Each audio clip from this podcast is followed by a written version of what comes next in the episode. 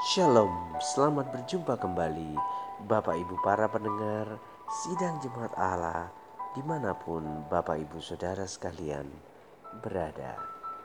Saya percaya Bapak Ibu Saudara sekalian dalam kondisi yang sehat, diberkati oleh Tuhan, dipelihara dalam segala kebaikan dan kemurahan Tuhan. Kita akan sama-sama mendengarkan renungan firman Tuhan dengan judul kesetiaan. Teks kita terambil dalam Galatia pasal 5 ayat 22 dan 23. Di situ berisi tentang buah roh. Buah roh satu-satunya adalah kesetiaan. Nah, Bapak Ibu para pendengar yang dikasih oleh Tuhan Yesus Kristus, buah roh yang satu ini kalau dalam bahasa Yunaninya kesetiaan itu disebut sebagai pistis Pistis itu memiliki arti yang cukup banyak. Arti dari pistis itu adalah percaya penuh, yakin, taat, pengabdian, kesesuaian, dan dapat dipercaya. Jadi, Bapak Ibu Saudara sekalian, kata kesetiaan itu mengandung makna yang cukup dalam di dalam bahasa asli Alkitabnya. Nah, timbul pertanyaan bagi kita sekarang.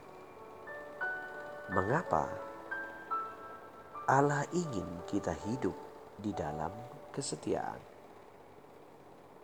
Yang pertama, Bapak Ibu Saudara sekalian, karena kesetiaan adalah sifat teladan Allah.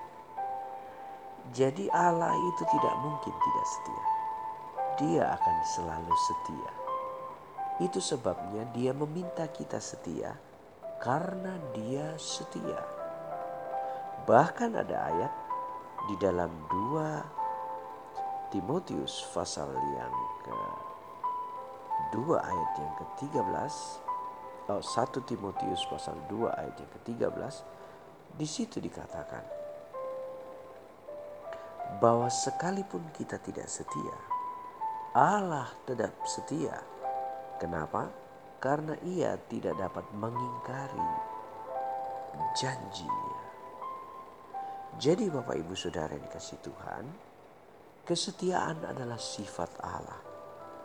Ketidaksetiaan adalah sifat dari kuasa kegelapan.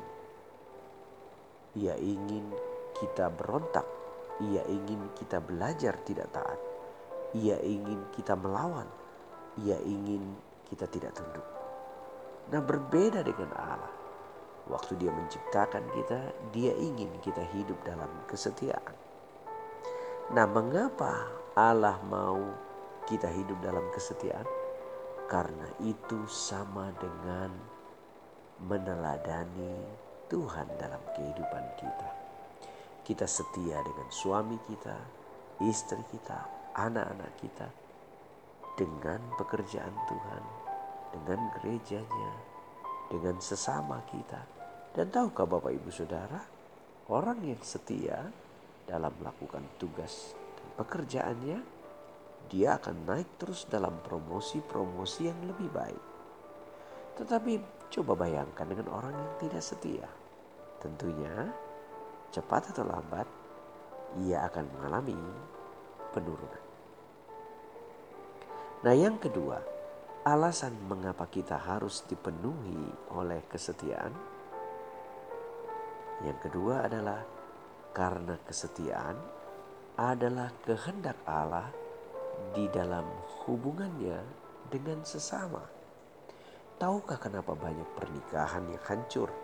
Kenapa banyak timbul berbagai konflik? Kenapa banyak orang gesekan satu dengan yang lain? Karena ada satu yang hilang dari dalam kehidupan kita. Apa itu? Kesetiaan. Kesetiaan sekarang susah untuk ditemukan. Ada uang, abang disayang. Tidak ada uang, abang disadu. Kesetiaan sangat mahal sekarang Bapak Ibu Saudara untuk meningkatkan kesetiaan seseorang Kadangkala kita perlu tambahan berbagai macam hal sehingga kita hanya setia kalau ada imbalan. Kita hanya setia kalau ada maunya. Kita hanya setia kalau ada dasar. Nah, Bapak Ibu, tidaklah dengan Tuhan seperti itu. Dia melihat kita sudah lemah, hancur, dan tak berdaya. Apalagi yang bisa diharapkan dari kita? Tidak ada. Tapi anehnya, Allah tetap setia pada kita.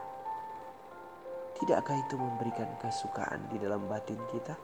Sehingga ketika Allah setia, kita pun dikuatkan untuk belajar setia dengan suami kita, dengan istri kita, dengan sesama kita, dengan anak-anak kita, dengan tugas dan tanggung jawab pekerjaan yang dipercayakan pada kita.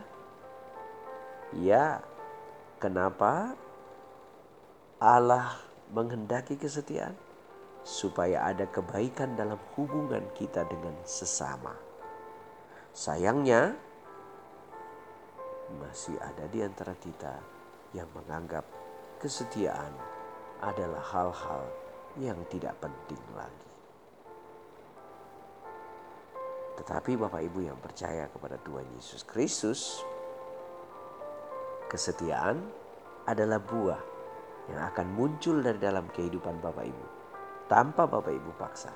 Dia akan lahir dengan sendirinya dan Bapak Ibu akan melihat tiba-tiba mengasihi suami, mengasihi istri, anak-anak, pekerjaan, usaha, dan mata pencarian kita. Yang ketiga Bapak Ibu Saudara, mengapa Allah menginginkan kita dipenuhi dengan kesetiaan? Karena kesetiaan adalah kunci untuk dipercayakan berkat yang lebih besar. Wow. Tahukah Bapak Ibu, firman Tuhan berbunyi, barang siapa setia dengan perkara yang kecil, ia akan dipercayakan perkara yang besar. Barang siapa setia dengan jemaat yang kecil, ia akan dipercayakan jemaat yang besar. Barang siapa setia dengan tokoh yang kecil, dia akan setia juga dan dipercayakan toko yang lebih besar. Intinya Bapak Ibu Saudara Tuhan ingin menunjukkan bahwa kalau kita ingin diberkati lebih, belajarlah setia. Belajarlah sungguh-sungguh melakukannya. Kesetiaan adalah kunci untuk dipercayakan hal-hal yang lebih besar Sayangnya kita ingin mencapai hal yang lebih besar, tapi kita tidak mau setia. Tidak mau setia di rumah tangga, tidak mau setia dalam pekerjaan, tidak mau setia dalam setiap kehidupan. Maka yang ada adalah konflik, tekanan, kekerasan, dan berbagai hal yang buruk. Tetapi coba kalau hari ini kita mengambil waktu untuk setia. Kita percaya kita akan melihat mujizatnya bekerja. Nah, Bapak Ibu Saudara yang dikasih Tuhan, biarlah firman Tuhan hari ini menguatkan kita bahwa Allah ingin kita hidup dalam kesetiaan. Tuhan Yesus memberkati kita Bapak Ibu Saudara sekalian. Damai sejahtera sukacita turun atas kita sekalian perlindungan dan penyertaan Tuhan menjadi bagian kita. Sehat, kuat, dan panjang umur. Shalom.